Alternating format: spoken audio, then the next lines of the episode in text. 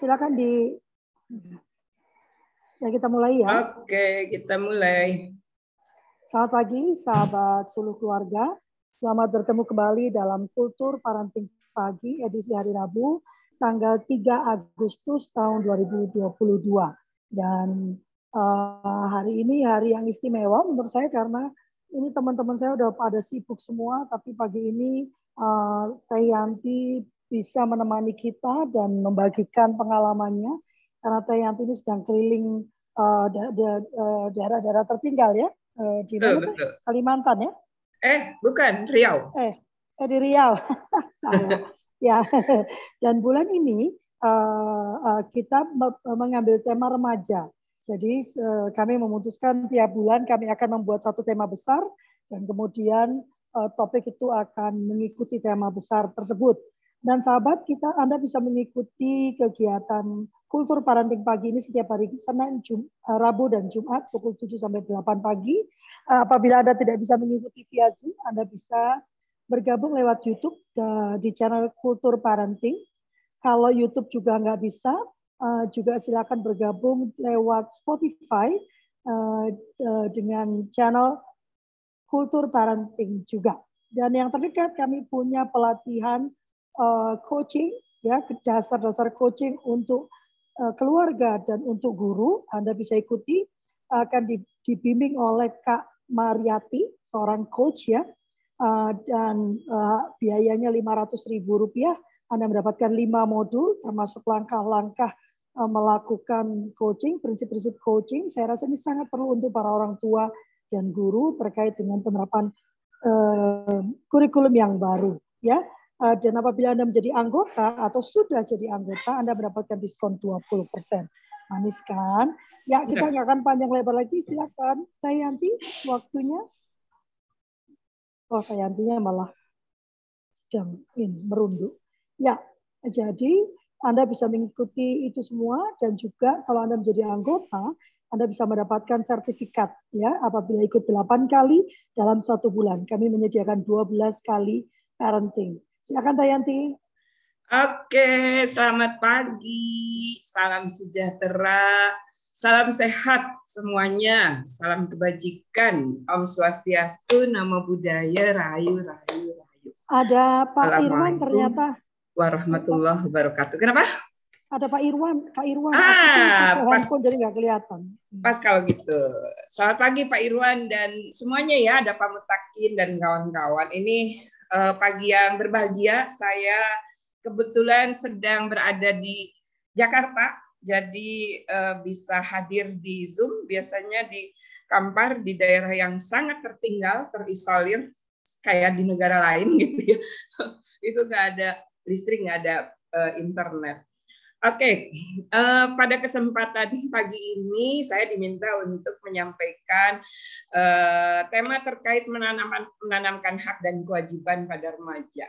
Saya tuh kalau membawakan tema yang uh, apa ya, uh, saya sendiri masih sangat belajar, suka mencari-cari ini di mana ya. Saya harusnya belajar banyak dari dari Pak Irwan dan kawan-kawan. Tapi karena kita bicara tentang apa yang uh, kita alami, kita lakukan dan uh, kita jalani selama ini, jadi nggak ada kewajiban kita untuk menyampaikan yang sempurna ya. Nah, izinkan saya mengutip beberapa sumber yang saya temukan pagi ini, bayangkan ya pagi ini karena nih lagi biasalah kalau dari daerah tertinggal kemudian masuk ke wilayah Jakarta jadi agak gimana gitu ya.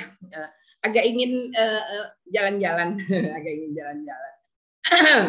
Oke, okay, apakah sudah sudah terlihat? Oke, okay. dari berbagai sumber yang sedikit saya saya temukan dan kayaknya klop banget dengan apa yang uh, terjadi saat ini maupun apa yang saya alami di dalam uh, apa ya uh, upaya tumbuh bersama anak-anak saya. Karena bagi saya ternyata uh, seperti halnya kakak Lofi dan yang lainnya di kultur parenting ini yang bergabung kemudian di dalam seluruh keluarga uh, ya kita punya pengalaman haru biru ya mengasuh dan membesarkan anak-anak kita gitu. Nah di dalam di dalam upaya ini ternyata uh, ada beberapa tanda umum yang uh, apa ya saya kenali belakangan gitu bahwa uh, sering kali saya sebagai ibu gitu yang uh, meskipun saya dulu uh, di dalam di dalam kantor eh bukan kantor ya buku hijau buku coklat tertera memiliki uh, suami begitu ya. Tapi saya sebenarnya lebih banyak uh, membesarkan anak saya sendiri gitu ya. Dan uh, apa proses pembelajaran yang luar biasa ini ternyata me, me, apa ya uh, bermuara pada kesadaran diri saya sendiri bahwa saya sendiri uh, masih banyak sisa-sisa apa sisa-sisa keremajaan kita gitu. Karena kita kurang mengenal diri kita ya apalagi anak kita gitu ya. Pertama kurang toleran terhadap frustasi ini uh, sesuatu yang terus harus uh, ditemukan dan dikenali karena rupanya hal-hal yang mengancam kelangsungan hidup kita bukan hanya remaja kita kita sendiri kan ada masa-masa uh, remaja gitu dulu saya pikir uh, hanya terulang terulang di usia 40 gitu tapi di usia 50 juga remaja lagi gitu dengan dengan hal-hal tertentu gitu ada ada hal-hal yang aduh ya ya ini uh, frustasi juga kalau kayak gini ya. Minimal bisa sampai menyampaikan itu. Tapi buat anak-anak remaja kita kayaknya itu tuh uh, sulit sekali disampaikan karena kompleks ya. Selain kurang toleran terhadap frustasi, tingkat percaya diri yang rendah juga membuat anak-anak kita uh, kesulitan untuk uh, mengungkapkan apa yang dia rasakan. Nah, dalam hal inilah uh, kita sebagai orang tua ini perlu Eh, bukan sebagai guru yang digugu dan ditiru ya, tapi duduk bersama dan uh, apa sih lebih banyak memeluk gitu. Remaja-remaja kita sangat sangat membutuhkan kehadiran pelukan kita ya. Karena apa? Mereka di usia itu coba deh diingat-ingat. Rasanya kita nggak mau deh ada di keluarga gitu ya. Udah pokoknya usia jelang remaja awal aja 9 10 tahun itu udah udah nggak mau ikut-ikutan sama orang tua ke sana kemari apalagi kumpul dalam keluarga besar. Itu memang tanda-tanda umum ternyata dari remaja kita. Nanti kita tanyakan lebih lebih uh, lengkap ke ahlinya ya. Ada Pak Irwan di sini. Nah, ini yang yang menarik. Saya merasakannya betul memang uh, di usia di usia remaja itu anak-anak lebih uh, nyenyak dalam uh, tidur dan lebih panjang karena saya ingat anak saya yang paling besar itu katanya dapat inspirasinya justru dari impian itu sejak dia memasuki pra remaja. Oh ternyata memang usia remaja tidurnya lebih nyenyak, eh, nyenyak dan lebih lama ya. Nah ini kalau terganggu nanti kayak anak kecil baru rutan, baru rutan itu bisa jadi uh, apa Eh, secara emosional, psikososial mereka tuh akan terganggu sepanjang hari gitu ya. Nah, ini perlu mengenai tanda-tanda umum ini baru kemudian kita melihat di masa transisi seperti ini apa sih yang bisa kita lakukan sebagai orang tua gitu ya. Orang tua ya itulah merasa jadi orang yang lebih tua gitu. Memang dari sisi usia sudah sudah lebih lama hidup di bumi ini gitu ya, tapi dari pengalaman bisa jadi justru anak-anak kita lebih kaya apalagi sekarang dengan beragam informasi yang masuk di ujung jari mereka ya itu tak terbendung sama sekali. Jadi para orang tua ayo kalau di Islam itu disebutkan ihfaz lisanaka ah, itu jaga jaga lidah lidah kita ya karena kita sering uh, tanpa sadar atau disadari belakangan memberikan janji-janji. Kalau dulu tuh ada istilah apa sih? ngasih kentut surga gitu. Sesuatu yang menjanjikan tapi baunya doang yang tersebar di mana-mana gitu. Akibatnya anak-anak kita kemudian jadi kehilangan pegangan karena terlalu mengumbar janji dan kita lupa, luput atau bahkan lalai ya, kebanyakan lalai dalam menepati janji. Yang kedua, kita merasa remaja kita tuh dari sisi apa sosok itu sudah bahkan lebih tinggi dari kita gitu ya.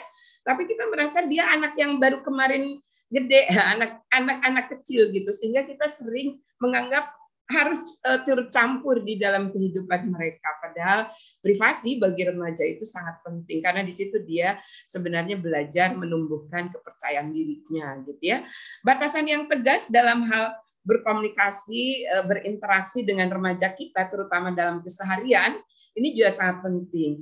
Uh, salah satu yang sering dilanggar orang dewasa di sekitar, di sekitar anak adalah membaca diari mereka. Nah ini ini uh, ayo hentikan karena anak-anak kita punya apa ya perlu perlu yakin bahwa dia memiliki privasi yang kuat dan punya apa ya uh, uh, kalau di apa ya di sekolah-sekolah di negara maju itu kan uh, setiap anak itu memiliki locker sendiri gitu. Ada batasan ini milik punya dia, ini milik punya yang lain sehingga uh, upaya untuk saling menghormati batasan yang tegas ini sudah ditumbuhkan sejak usia dini. Nah, sayangnya di kita hanya sekolah-sekolah yang maju.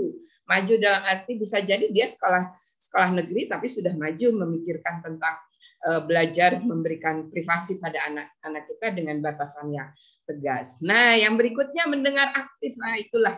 Ayo para ibu, para perempuan ini eh, apa ya? Eh, kita cenderung merasa saya lah ya, bukan bukan kita ya.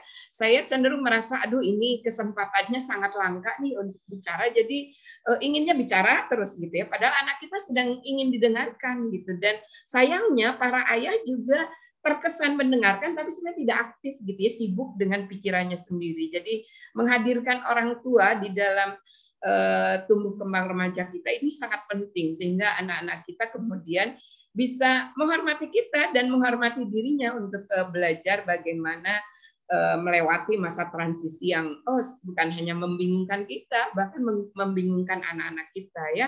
Beberapa narasumber di kultur parenting pagi sudah menyampaikan hal ini. Salah satunya yang paling uh, apa ya klik dengan saya apa yang disampaikan oleh Mbak Ane ya Mbak Ane Garcia ini memang uh, memahami tentang otak remaja ini uh, penting banget untuk uh, kita sebagai orang tua bagaimana kita bisa melakukan coaching yang yang tepat bagi anak kita gitu ya. Lalu ini kita kadang uh, malas untuk untuk berbicara kepada mereka karena sudah berasumsi ah mereka uh, punya dunia sendiri gitu. Akibatnya makin langka Eh, apalagi sekarang dengan kesibukan yang luar biasa. Padahal media yang kita punya sekarang ini bisa bisa membuat kita tetap terhubung bahkan pada saat kita berada di daerah sangat tertinggal sekalipun gitu ya. Kita sediakanlah setiap hari 20 menit gitu agar anak-anak kita merasa punya tempat untuk didengarkan dengan sungguh-sungguh dan ditanggapi gitu bukan sekedar didengarkan tapi ditanggapi menunjukkan bahwa orang dewasa di sekeliling dia, orang tua orang tuanya ya terutama itu dengan aktif mendengarkan apa yang menjadi gagasan mereka, harapan mereka, keluh kesah mereka.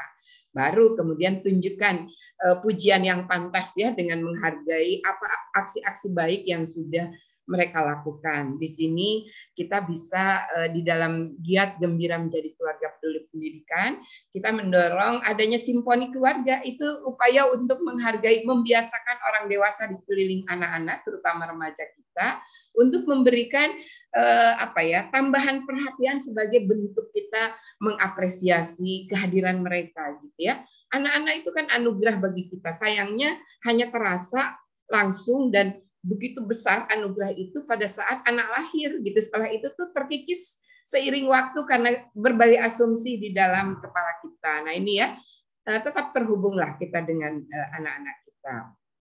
Nah eh, tadi ya ketika anak-anak merasa tidak berada pada lingkungan yang menghormati kedirian mereka gitu ya tumbuh kembang mereka ya akan muncul perilaku-perilaku yang tidak hormat itu. Jadi ketika kita melihat Eh, mengapa anak kita tidak tidak hormat ya pada kita gitu. Kita rasanya rasanya sudah mendengarkan aktif mereka gitu ya.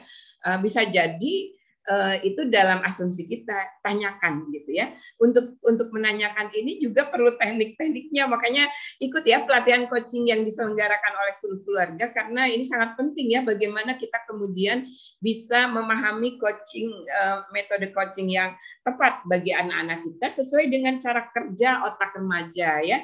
Nanti mungkin Mbak Ane bisa kembali membuat uh, pelatihan terkait ini ya karena penting sekali. Yang berikutnya mau nggak mau kita memang menjadi role model. Anak kita itu kan uh, pelaku apa ya imitatif uh, peniru yang sangat ulung. Jadi kalau kita sadar, selalu sadar dan berencana bahwa kita ini adalah orang dewasa di sekeliling anak yang punya waktu lebih lama eh, mengalami hidup dan kelangsungan hidup dibanding anak kita ya kita harus mau nggak mau menjadi role model bagi mereka gitu. Ketika kita melihat anak kita melakukan perilaku tidak hormat, coba berkaca dulu gitu ya. Siapa tahu kita memang melanggar uh, martabat mereka gitu ya, bahkan melanggar martabat diri kita sendiri gitu sehingga tanpa sadar atau disadari belakangan kita memberikan contoh yang tidak baik uh, dalam hal bagaimana berperilaku hormat pada diri sendiri dan hormat pada sesama dan semesta kita gitu ya.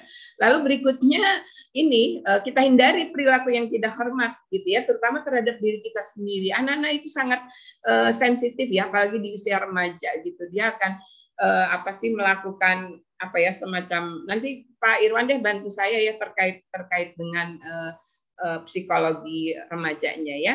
Kembali batasan yang tegas juga harus kita lakukan gitu ya karena uh, apa ya ter, terutama bukan karena karena terutama pada diri kita sendiri gitu. Kita sering mencampur adukan apa yang sudah sudah anak perbaiki dengan apa yang dilakukan yang tidak pantas sekarang dicampur-campur seolah anak-anak kita nggak pernah baik Gitu. Nah, ini yang kelima eh, selain memahami kerja otak, kita juga perlu memahami kebutuhan baru remaja-remaja kita ya. Misalnya nih kemarin saya di, ditunjukkan oleh staf ahli Menteri Desa ya eh, tentang perilaku eh, asupan remaja-remaja kita gitu. Banyak yang dulu kita kenal itu asupan yang enak gitu ya anak kita bahkan jijik melihatnya gitu ya. Eh, coba aja dilihat di sekeliling kita, terutama makanan-makanan tradisional gitu. Nah ini uh, yang membuat uh, kita perlu belajar banyak tentang uh, mereka gitu. Nah ini bagaimana kita uh, menghandle ini ya. kembali lagi kita mulai dari bagaimana kita memahami kebutuhan remaja itu sendiri dan uh, beri mereka kemerdekaan ya untuk untuk belajar dari uh, kesalahan dan uh, ini kalau bisa sih lebih lebih banyak mendengarkan aja deh nggak usah pakai debat gitu. Nanti nanti tetap aja uh, mereka akan kalah orang kita orang orang tuanya gitu ya. Jadi nggak perlulah kita debat yang tidak penting gitu ya. Tapi fokus pada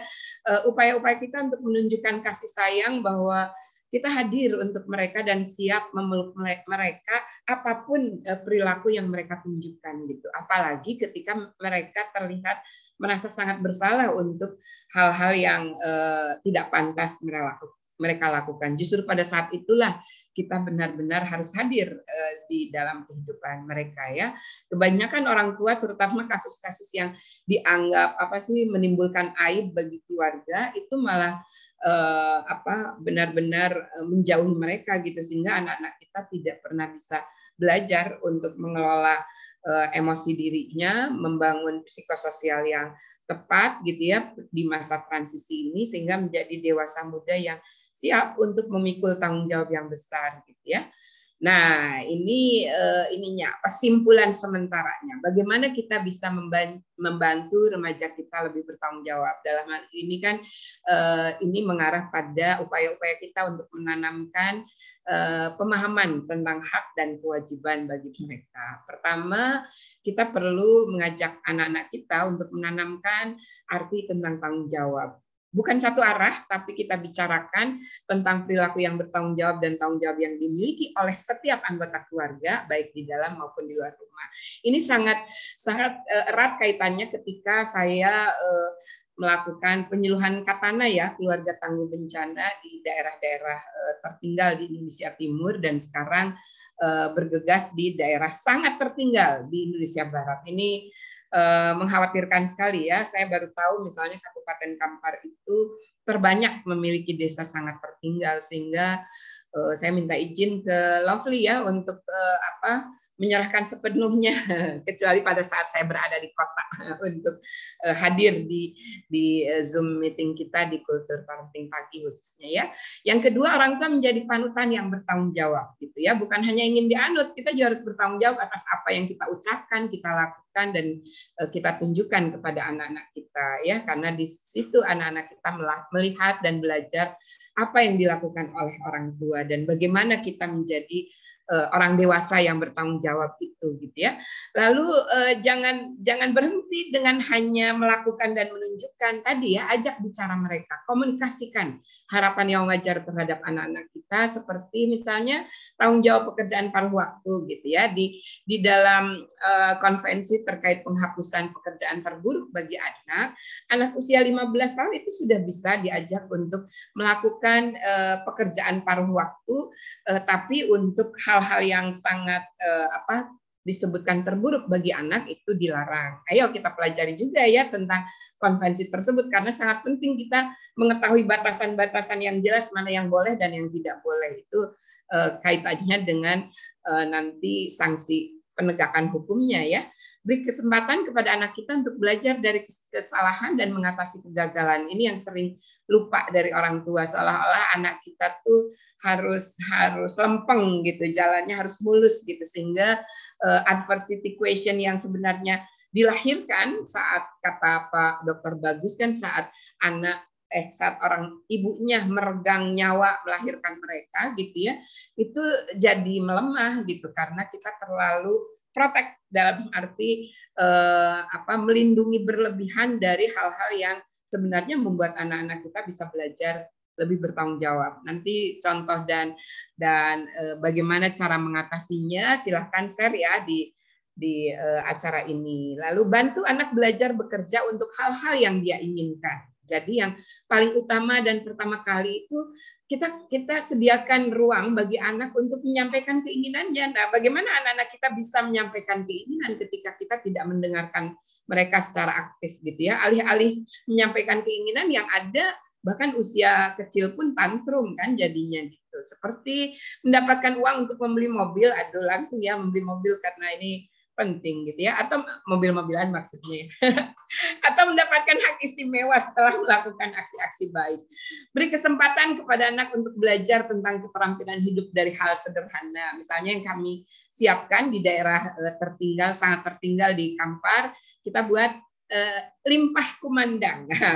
Lihat sampah kurangi manfaatkan dan daur ulang. Itu sesuatu yang di rumah saya aja harus berkali-kali dimulai dan belum terbiasa secara tersistem ya. Eh, baru kalau sadar baru dipilah gitu. Di daur ulangnya belum. Baru rencana mau menanam bikin apa eh, buat ekoenzim tapi memilah dari yang uh, berpestisida sama enggaknya masih disimpan di kulkas sampai sekarang udah beberapa bulan disimpan di kulkas. Lalu tanamkan pada anak bahwa kita sebagai orang tua benar-benar percaya pada kemampuan mereka untuk bertanggung jawab dengan mengemban tugas di rumah maupun sekolah. Ayo, ini kejadian di BDR banyak sekali pekerjaan sekolah yang dikerjakan orang tua ya. Jadi guru-guru kebingungan menilai uh, kompetensi yang diraih oleh anak-anaknya gitu. Karena ini ini yang buat siapa ya jadinya gitu. Gitu ya. Mengingatkan nah ini penting ya uh, tetap connect ini tetap terhubung itu salah satunya mengingatkan anak tentang tugas dan tanggung jawab agar ia dapat melakukannya sendiri gitu ya. Ini ini penting dan uh, saya pikir sih di sini sebenarnya kita penting untuk melakukan manajemen waktu termasuk reminder itu kan kalau setiap detik diingatkan itu namanya bukan reminder gitu ya tapi disepakatilah beberapa uh, dalam dalam banyak uh, aktivitas yang bisa Eh, dilakukan oleh anak-anak kita ya. Memberi pujian yang tulus kepada anak saat ia telah menyelesaikan tugas dan ingatkan konsekuensinya, bukan beri sanksi ya, bukan beri hukuman, tapi ingatkan konsekuensi yang sudah disepakati jika tidak melakukan tugas. Ini penting ya. Menepati janji itu jadi yang pertama tuh untuk memperbaiki perilaku-perilaku yang tidak hormat dari anak-anak kita. Lalu menanamkan rasa kedisiplinan yang adil dan tegas. Jadi bukan mendisiplinkan ya, tapi menanamkan ini ini karena anak kita menjadikan kita role model. Kalau kita tidak berlaku adil dan tidak memberikan batasan yang tegas, anak kita tidak akan pernah belajar bagaimana dia bisa memahami betul bahwa pembelajaran dengan pendisiplinan yang eh, apa adil dan tegas itu benar-benar menjanjikan gitu, menjanjikan dalam hal eh, pemenuhan hak dia gitu sebagai warga negara di dalam rumahnya gitu kan.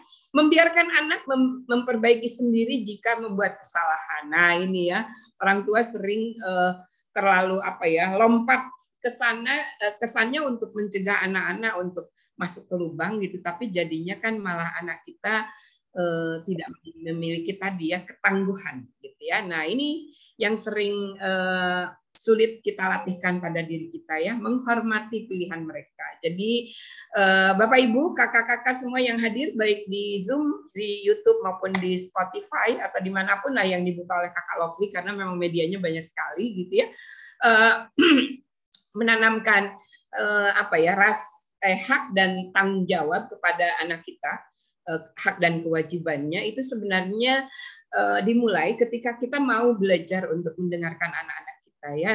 Terkait hal ini kami dari keluarga peduli pendidikan mengajak Bapak Ibu dan Kakak semua untuk melakukan giat enam langkah gembira menjadi keluarga peduli pendidikan. Pastikan anak-anak kita menuliskan impiannya boleh kok sampai ribuan impian juga tuliskan gitu. Dan uh, biarkan bukan biarkan ya dengarkan dengan aktif uh, apa yang menjadi impian mereka. Lalu ajak mereka untuk bertanggung jawab terhadap impian itu membayar harganya gitu ya untuk menekuni bidang-bidang yang bersesuaian yang secara efektif uh, bisa mendukung identitas baru yang mereka impikan gitu. Ini memang uh, apa ya sebenarnya belajar sepanjang hayat itu bukan sekedar slogan, memang menjadi orang tua pun bahkan anak kita sudah bukan usia anak lagi ya kita harus tetap belajar karena uh, living value ya ilmu-ilmu terkait dengan hak anak ini sesuatu yang hidup dan terus dihidupkan. Jadi ayo terus belajar ada banyak uh, di sekeliling kita paling tidak mulai dengan selalu hadir di kultur parenting pagi tidak tidak mesti harus di Zoom gitu ya, bisa kapan pun di di YouTube atau di uh, Spotify-nya gitu, tapi sharing ya ke orang-orang sekeliling kita agar kita bisa sama-sama belajar bagaimana sih menanamkan hak dan kewajiban kepada anak kita uh, dengan harapan anak-anak kita menjadi pribadi dewasa yang lebih baik dari kita orang tuanya. Oke, okay. silahkan ditambahkan oleh Kakak Lovely dan uh, Pak Irfan ya. Kak Irwan, silakan. Kak Irwan, ada yang mau ditambahkan Kak? Apa ya, sudah lengkap kok Kak Yanti. Pasti ada yang ada sesuatu deh. Ayo. Mungkin itu aja lah. Jadi memang eh, remaja ini selalu di selalu di apa ya? Eh, jadi bahasan yang menarik. Pertama ya karena posisinya ya satu sisi dia bukan anak-anak gitu satu sisi belum dewasa gitu kan. Jadi eh, posisi posisi dan peran ini yang selalu di, eh, di sering disalahartikan oleh orang yang dewasa.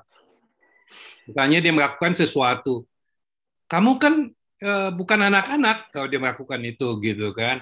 Tetapi kalau dia melakukan sesuatu yang lain kamu kan belum dewasa. Jadi gua siapa gitu. Jadi ada krisis identity di situ kan belum lagi dari internal factor ya, seperti perkembangan hormon segala macam itu kan luar biasa gitu kan. Jadi uh, umumnya kan sangat sangat inilah uh, masa storm and stress ya. Jadi banyak yang masa yang badai ya, goyangan-goyangan yang terjadi di sini. Jadi memang satu fase yang termasuk fase yang yang sulit ya. Setelah fase anak-anak ya. Kalau neuroscience kan 0 sampai 12. Nah, sebetulnya kan ada pra remaja juga ya, umur 10 tahun segala macam itu juga dia sudah memasuki fase itu. Saya kira itu aja Kak Yanti, lebih baik kita diskusi banyak orang pinter kan di sini. Terima kasih. Terima kasih Kak Irwan, benar. Bicara remaja itu selalu menarik ya.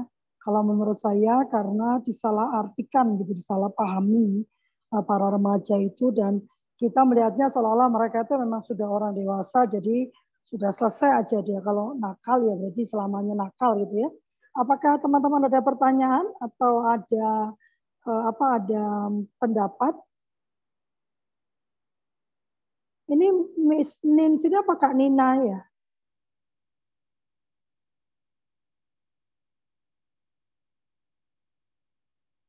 Miss Nin sini Kak Nina benar? Iya, iya Kak. Oh, Tayanti ingat Kak Nina? Yang dulu bareng sama kita di IG. Kenapa, Vi? Kak Nina, oh, Kak Nina yang dulu bareng kita di IG. Oh iya. Apa kabar Kak Nina? baik, baik. Alhamdulillah. Ayo dong Kak. Kalau, kalau, kalau masih kayak kalau masih kayak gitu tuh berarti dia ingetnya masih separuh-separuh. Nanti kalau udah inget benar baru Oh iya iya. Ayo. Kayak nanti gitu kalau dia baru ingat sedikit-sedikit ya apa kabar? Ya masih kayak gitu. Nanti baru tahu udah baru ya. Wah, itu udah gitu, udah tahun berapa ya itu ya? Udah lama Sambil nginget-nginget ini kapan ya kita iya, ketemu kan? untuk urusan apa ya? Iya. iya ya gitu dia saya tahu dia. Ayo, apakah ada yang mau bertanya atau berkisah terkait dengan bagaimana kita uh, mengajarkan hak dan kewajiban kepada anak-anak remaja kita eh mungkin saya kali ya. Eh, kalau boleh saya, Danina silakan. Silakan.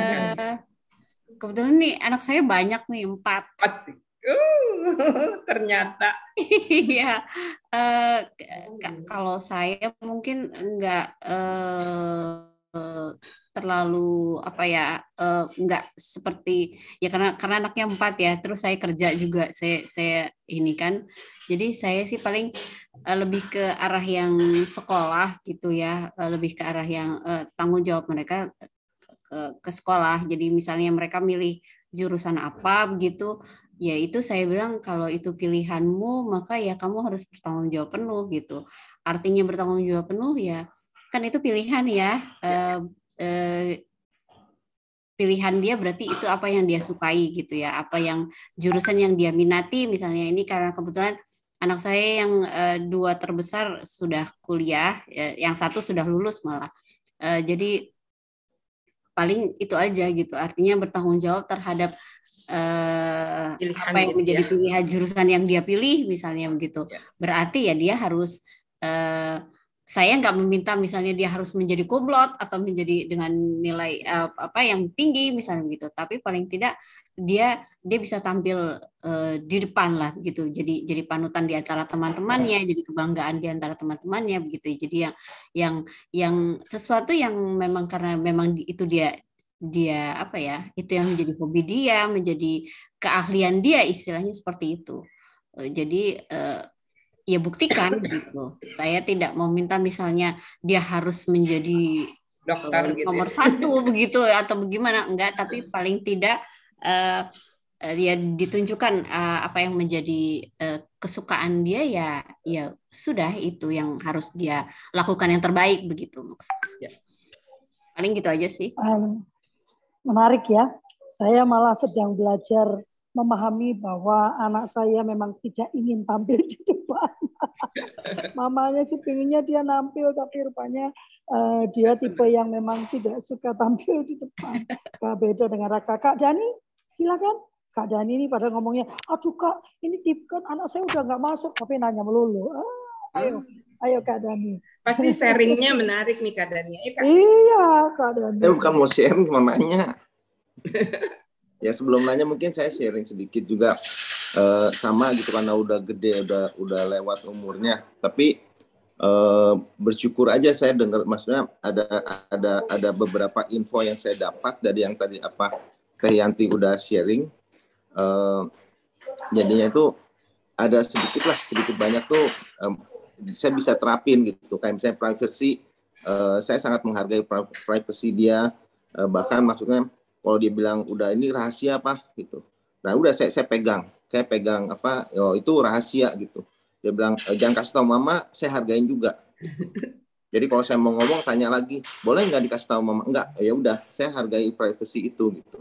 Ya terus juga mungkin yang kemarin juga lagi minggu lalu saya share juga bahwa apa yang saya janjiin eh, nggak pernah saya nggak tepatin. Pokoknya dia saya kalau kalau nggak bisa saya nggak berani ngomong lah gitu. Saya nggak berani janji. Jadi apa yang saya ngomong saya harus harus apa eh, tepatin gitu ya. Ya mungkin yang yang banyak saya lakukan salah itu dari yang eh, pendengar aktif lah. Nah Hmm. itu bawaannya orang tua maunya, oh ada ini maunya kasih kasih solusi, kasih eh, apa jalan keluar. gitu ya. bukannya, eh, padahal dia nggak butuh itu gitu. Dia dia bisa berpikir sendiri, dia tahu solusinya, cuman dia mau ceritain aja. Nah mungkin yang saya mau tanya sama Teh Yanti itu ini, Oke. eh, kan ini luar biasa lah. Sekali lagi yang biasa Teh Yanti eh, bawa selalu luar biasa. Isinya eh, berbobot gitu. Bahkan wah ini banyak sekali yang mesti dikerjakan gitu. Em, cuman kan kalau kayak misalnya saya dengarnya baru sekarang nih, ya udah telat ya gitu, udah udah udah udah lewat nih gitu. Nah, bagaimana supaya eh, apa mungkin kayak cuma kalau suka ya maksudnya sebelum pranikah dibuat begini juga kayaknya nanti nggak punya anak ya aneh aneh juga gitu. Jadi apa nih yang bisa diperbuat ya supaya eh, maksud itu bahkan waktu anak mereka masih kecil ini mereka udah tahu sehingga bisa diterapin loh gitu. Kalau nggak sayang gitu. Ilmu itu tuh ilmu luar biasa yang bisa membuat anak-anak kita kuat dan hebat gitu. Nah, itu aja. Nuhun Teh Yanti. Sawang Suna, Kang Dani. Satu lagi ya, Vi. Kak Sri. Kak Sri, silakan. Silakan. Ya, baik. Baik, terima kasih Bu. Selamat pagi. Assalamualaikum. Kalau uh, dalam hal ini, kalau saya kebetulan anak saya yang pertama itu usianya sudah 18 tahun, kemudian yang kedua ada 15 tahun dan yang bontot ada satu tahun gitu. Kalau silakan kak. Uh, jadi uh, kalau saya prinsip memang uh, gimana ya Bu? Jadi seorang ibu yang kebetulan saya ini bekerja dari pagi hingga malam, dari pagi hingga malam. Nah, jadi untuk dalam mengasuh anak memang jujur tidak maksimal gitu. Nah, kemudian anak saya yang pertama itu kebetulan saya mondok ya, mondok yang 18 hmm. tahun tadi mondok dan kemudian yang SMP itu belum mondok. Tapi memang dia keseringan, mungkin karena ketid bukan saya merasa tidak dekat, mungkin karena sudah capek, ibunya bilang e, memang tidak maksimal tadi lah dalam mengurus anak. Jadi sehingga anak tadi pun mungkin atau takut. Dia selalu ngomong ke ayahnya. Kebetulan anak perempuan ya Bu. Nah, jadi mungkin memang dia lebih dekat ya. Cuman bertitip gitu. Ya nanti bilanglah sama bunda gitu. Dia nggak nggak langsung gitu.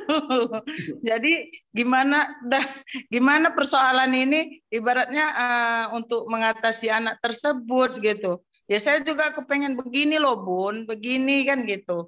Tapi dia berpikir malah ya bilanglah sama bunda begini begini gitu. Asal ada sesuatu dia pasti tanya sama ayahnya gitu.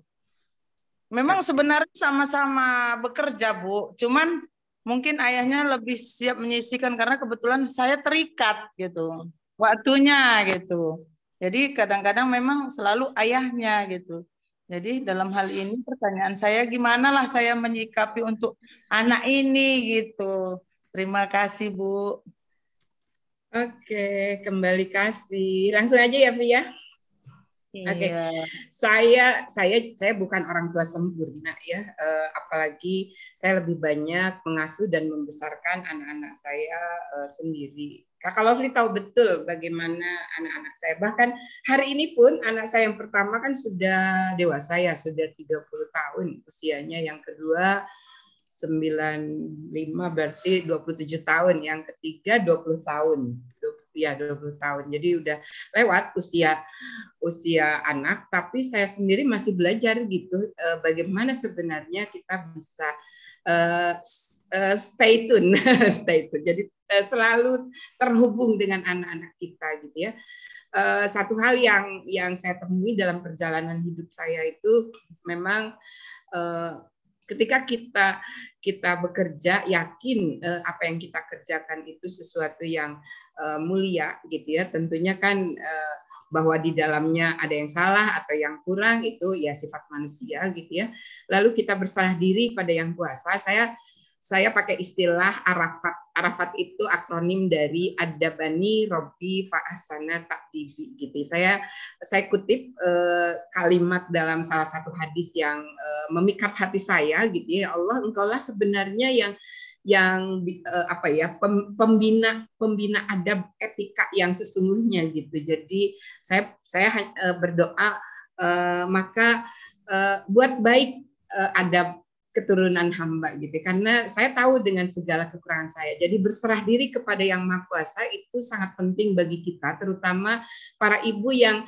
bekerja ya eh, karena ibu yang bekerja pun sama kok dengan ibu yang lainnya. Ada rahim di dalam tubuh kita yang bisa mengguncang aras gitu. Jadi kalau kita yakin bahwa Allah itu hadir dalam kehidupan kita dan rahim ini menjadi modal utama kita untuk mengguncang aras kita meminta bahwa keturunan kita kita anak cucu kita ini memiliki adab, memiliki budi pekerti yang baik yakinlah bahwa kemudian ada orang-orang yang seperti kejadian uh, Nabi Nabi Nuh alaihissalam misalnya putranya Kanan ya kita berserah diri lagi sama Allah pasti ada pembelajaran yang luar biasa bagi umat-umat kemudian bagi keturunan kita kemudian ketika itu terjadi gitu. Jadi uh, apa pun uh, yang kita lakukan pertama penyerahan diri uh, sepenuhnya kepada yang Maha Kuasa sebagai hamba Allah gitu karena kita manusia kan tidak luput dari kesalahan dan kekurangan ya. Uh, yang kedua, uh, kalau bagi saya yang namanya ilmu itu ini ya uh, apa ya saya dulu guru ngaji saya itu kan ibu saya sendiri ya yang pertama almarhumah itu selalu bicara balihu anni walau ayah. Jadi sampaikan walaupun cuma satu ayat gitu satu ayat tuh kebayangkan cuma kadang-kadang nggak selesai gitu kalimatnya. Jadi sesuatu yang belum tuntas pun kalau kita rasakan itu bermanfaat, kita rasakan itu sesuatu yang menggetarkan hati kita, yang membuat kita jadi lebih dekat kepada yang kuasa, sampaikan gitu. Meskipun untuk menyampaikannya terutama kepada anak-anak kita baru dalam bentuk diari misalnya. Nah, sekarang ini eh, apa ya?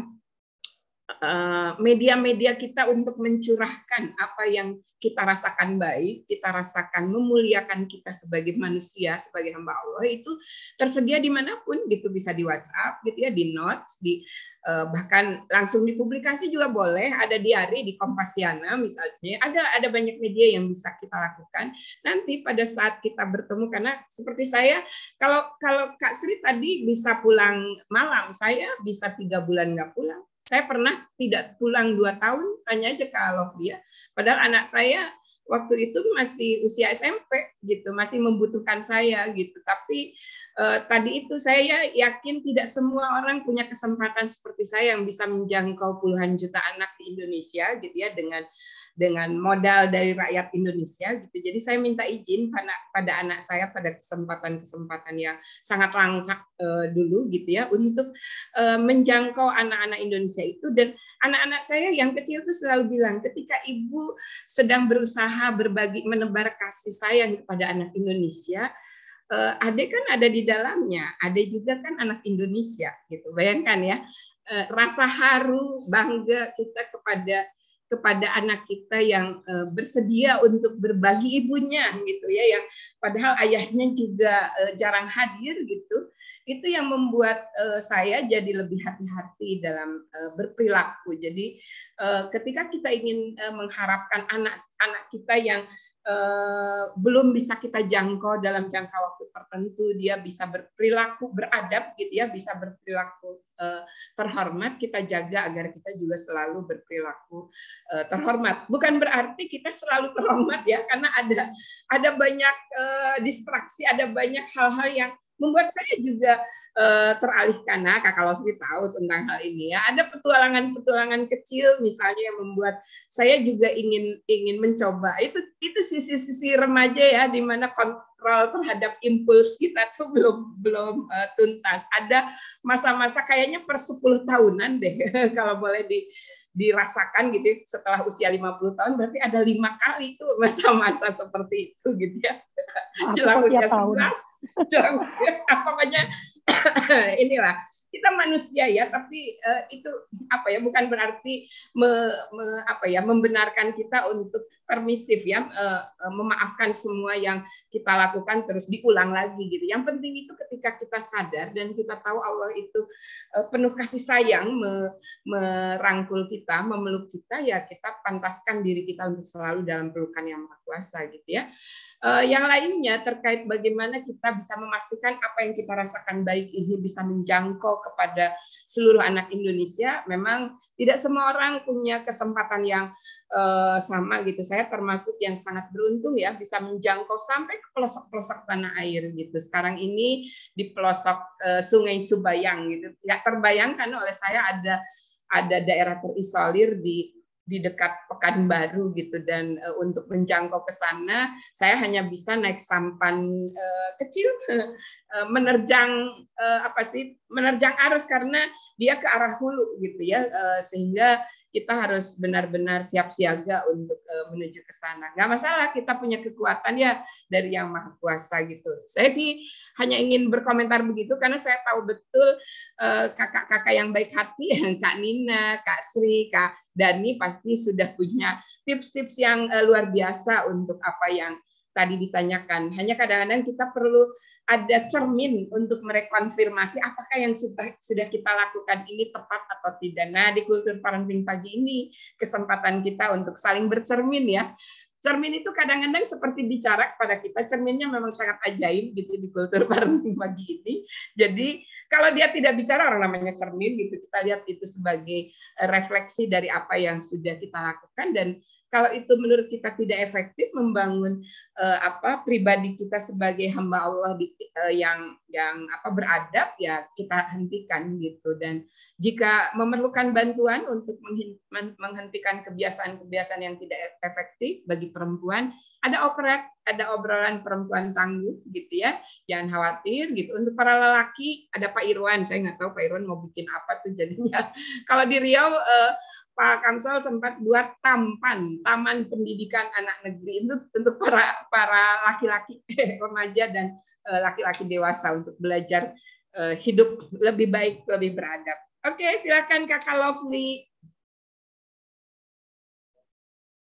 Ya, uh, memang hidup itu pilihan ya, hidup itu pilihan. Uh, kalau kemarin Dayanti memilih untuk melaksana mengejar apa ya mimpinya ya. Mimpinya sejak awal gitu ya dengan kesibukan-kesibukannya. Uh, sementara saya memang memilih untuk menunda semuanya sampai anak-anak besar. Itu pun terkaca dari kolom yang selalu ditulis Raka setiap hari Sabtu. Itu uh, missing saya juga banyak ya. Uh, jadi ya uh, tapi saya rasa kalau membaca dari apa yang anak saya katakan permintaan maaf itu yang paling kuat ya untuk kita memulai lagi dari titik awal. Jadi kalau mau mengubah sesuatu dimulai dari permohonan maaf yang tulus dari ibunya kepada anak-anaknya atas kekurangan-kekurangan yang dilakukan. Raka berkata, Raka dan Deli ya uh, menyatakan bahwa mereka pulih dari uh, apa luka-luka batin yang mereka rasakan itu karena permohonan maaf yang saya sampaikan. Dan permohonan maaf itu saya sepakat dengan Dayanti ya. Kalau bukan Tuhan yang menggerakkan hati saya untuk berkata maaf, mungkin selamanya saya tidak akan pernah berkata maaf ya. Dan akhirnya akan uh, apa uh, akan akan kacau balau semuanya ya. Mohon maaf ada distraksi seperti biasa ya. Teman-teman ini sepertinya kalau saya lagi live justru pertanyaannya aneh-aneh jadinya distraksinya banyak. Sementara saya sudah disebutkan ADHD, jadi kan saya sangat mudah terdistraksi sebetulnya. ya, apakah ada pertanyaan lain? Saya rasa uh, dulu waktu awal-awal ya saya pernah saya tuh selalu takut tidak menjadi ibu yang sempurna atau tidak menjadi ibu yang baik gitu ya. Uh, dan satu yang dikatakan Dayanti itu itu uh, di awal ya ber, uh, karena kami berteman itu sudah belasan tahun ya belasan tahun uh, di awal-awal itu dikatakan bahwa menjadi orang tua yang baik itu cuma satu, apakah kalau malam bertanya, sudahkah saya melakukan yang terbaik, dan kemudian mencari tahu bagaimana saya bisa menjadi lebih baik, maka Anda sudah menjadi orang tua yang baik. Karena kesempurnaan itu hanya milik Tuhan semata. Apakah ada lagi yang mau bertanya?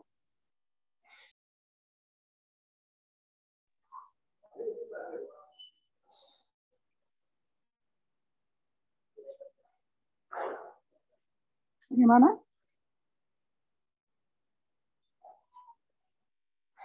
Kayaknya kita perlu menggali dari Pak Irwan lebih lebih banyak nih. Ayo dong Pak Irwan. Oh, Pak, ada Kak Isti. Sorry, Kak Isti tadi uh, oh, resen tadi mau ya? menyampaikan sesuatu ya Kak Isti, tapi nggak bisa resen. Kak Isti ada yang mau disampaikan? Kak, maaf sebenarnya hanya karena error ya HP saya. Mohon ya, ya Kak ya, karena saya di rumah kebetulan. Izin. Ya. Uh, Silakan Kak. Iya, yeah, saya juga uh, me menyetujui apa yang disampaikan oleh Yanti tadi. Memang uh, seperti saya sebagai ibu rumah tangga, sekaligus saya bekerja selama 11 tahun, mungkin untuk sharing untuk Bapak Ibu sekalian. 11 tahun saya ada di luar pulau dengan anak-anak saya. Mereka saya lepas di usia eh, 10 tahun itu yang kecil. Dan mohon izin. Akhirnya meninggalkan itu semua untuk kembali uh, menata dan saya kesempatan ini berterima kasih kepada uh, Kak Lovely, Kak Yanti juga yang saya hormati senior saya Pak Amrun, Pak Irwan Amrun. Luar biasa beberapa bulan saya mendalami tentang parenting ini dan alhamdulillah saya semoga masih bisa mampu menyelamatkan dua remaja saya. Yang pertama usia 24 tahun, yang kedua usia 21 tahun. Dan apa yang saya dapatkan dari suluh keluarga ini saya berusaha satu aja kuncinya Kak Lovely. Saya harus uh, saya tidak perlu malu untuk meminta maaf kepada anak-anak saya. Dan baru hari Minggu kemarin saya cair dengan anak gadis saya yang usia 24 tahun. Jadi terima kasih banget.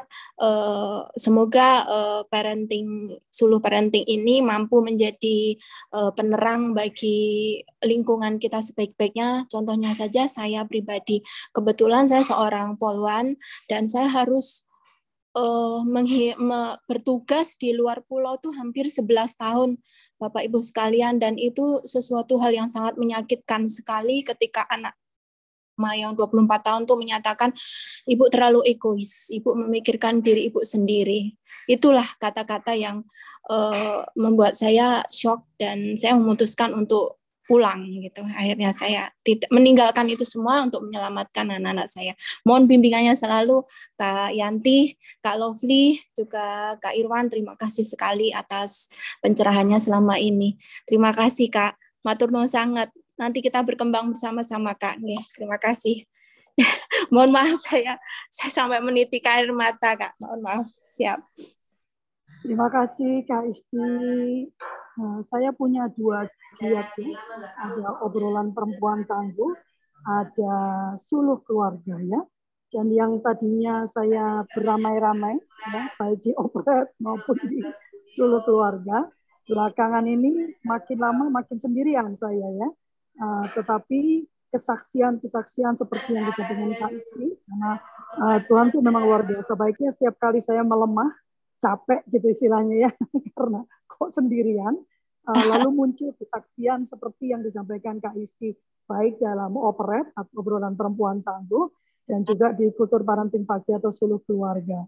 Dan itu yang membangkitkan semangat saya lagi ya, Onda. Uh, walaupun kecil kegiatan kita ini 25 orang pesertanya ya, 20 ya. orang peserta tapi uh, ada jiwa-jiwa yang terjamah. Jadi cukup lah ya kita menggerakkan satu hati ya. Uh, dan ya. hati itu nanti akan menggerakkan satu hati yang lain.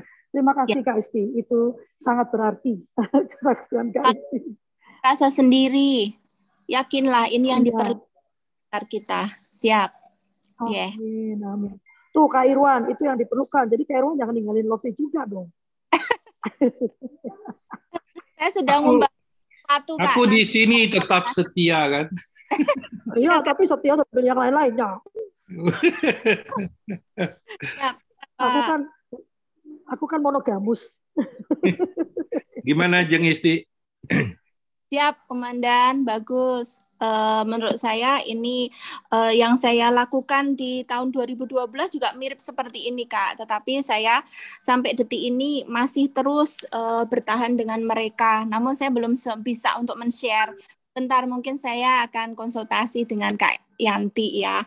Nanti sambil jalan komunitas Kak, terapi komunitas. Siap, siap, siap. Hmm. Nanti ya Kak, Kak Irfan dan Kak Lovely sharingnya nanti masih ya. dalam pendalaman saya dulu. Di, Butuh waktu 12 tahun. iya. Di di daerahmu sekarang di daerah Solo Semarang itu sedang ada acara para games.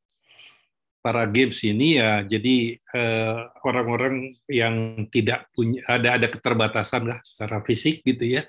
Nah, eh, mereka bertanding dan banyak bendera dan lagu Indonesia Raya di, dikumandangkan di sana gitu ya dan sebagian besar dari mereka adalah remaja-remaja gitu dan banyak eh, bukan hanya keterbatasan secara fisik juga kadang-kadang dengan hubungan dengan orang tua tetapi mereka tetap mampu tangguh mereka mampu survive gitu ya. Nanti insya Allah juga saya bisa undang adik-adik yang di sana untuk berbagi di sini gitu. Itu luar biasa kok. Ya, siap. Kalau Fui ke mana dia? Terlempar mungkin ya? Enggak sih, itu ada. Nah, kan. Udah 8 lewat 5 Menjawab. menit kalau free. Ya, silakan eh, penutupnya aja, Kak Yanti. Iya, eh, terima kasih berbagi yang eh, luar biasa Kak Isti. Eh, itu yang membuat saya percaya betul meskipun meninggalkan kalau sendirian, percaya betul kalau eh, sekali dimulai apa yang eh, ingin kita bagikan dan ingin kita himpun itu akan terus berjalan gitu ya. Nah, mempercayai sahabat kita untuk eh, bisa menjalankan eh, upaya-upaya untuk menebarkan kebajikan ke semesta itu juga salah satu yang eh, apa seharusnya bisa kita lakukan kepada anak-anak kita ya. Ketika anak-anak remaja kita ini eh, memilih eh, jalan apa pun termasuk termasuk eh, apa pilihan eh, jurusan yang ingin dimasukinya gitu ya eh, kita kita harus yakin bahwa itu jalan kebaikan yang sedang eh, dia himpun gitu ya yang sedang dia dia tekuni kita temani dia dengan doa gitu terutama karena kan yang eh, bisa apa ya me- melindungi dia ya yang maha kuasa gitu ya. sambil kita selalu bersiap mendengarkan apa pun yang terjadi ketika dia menginjak batu tersandung ke bukit. Aduh bukit kok tersandung ya.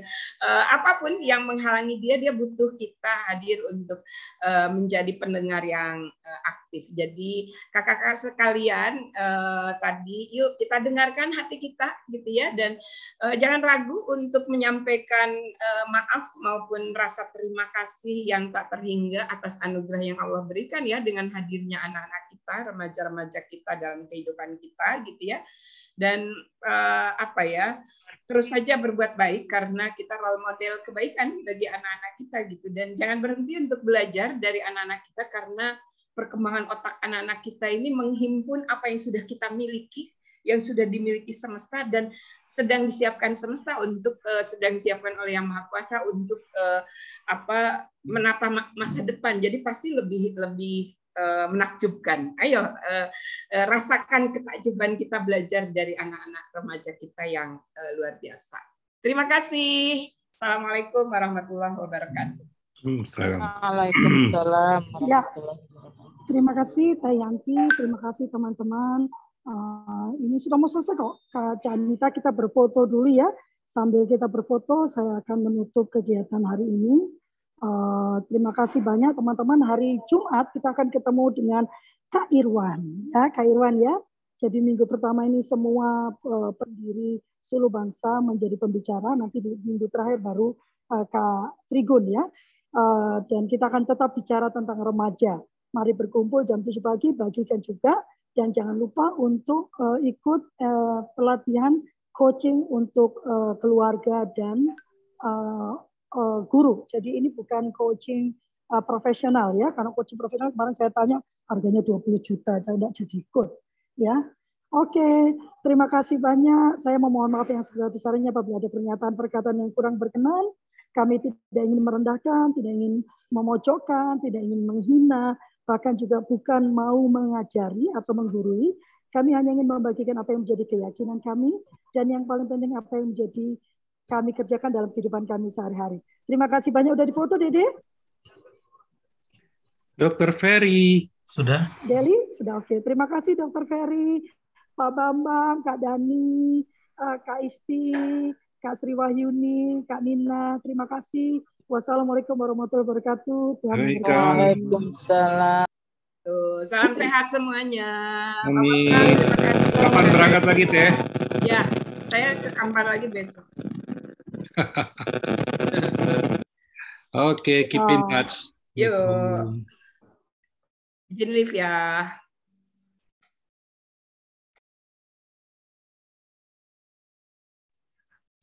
Izin pamit.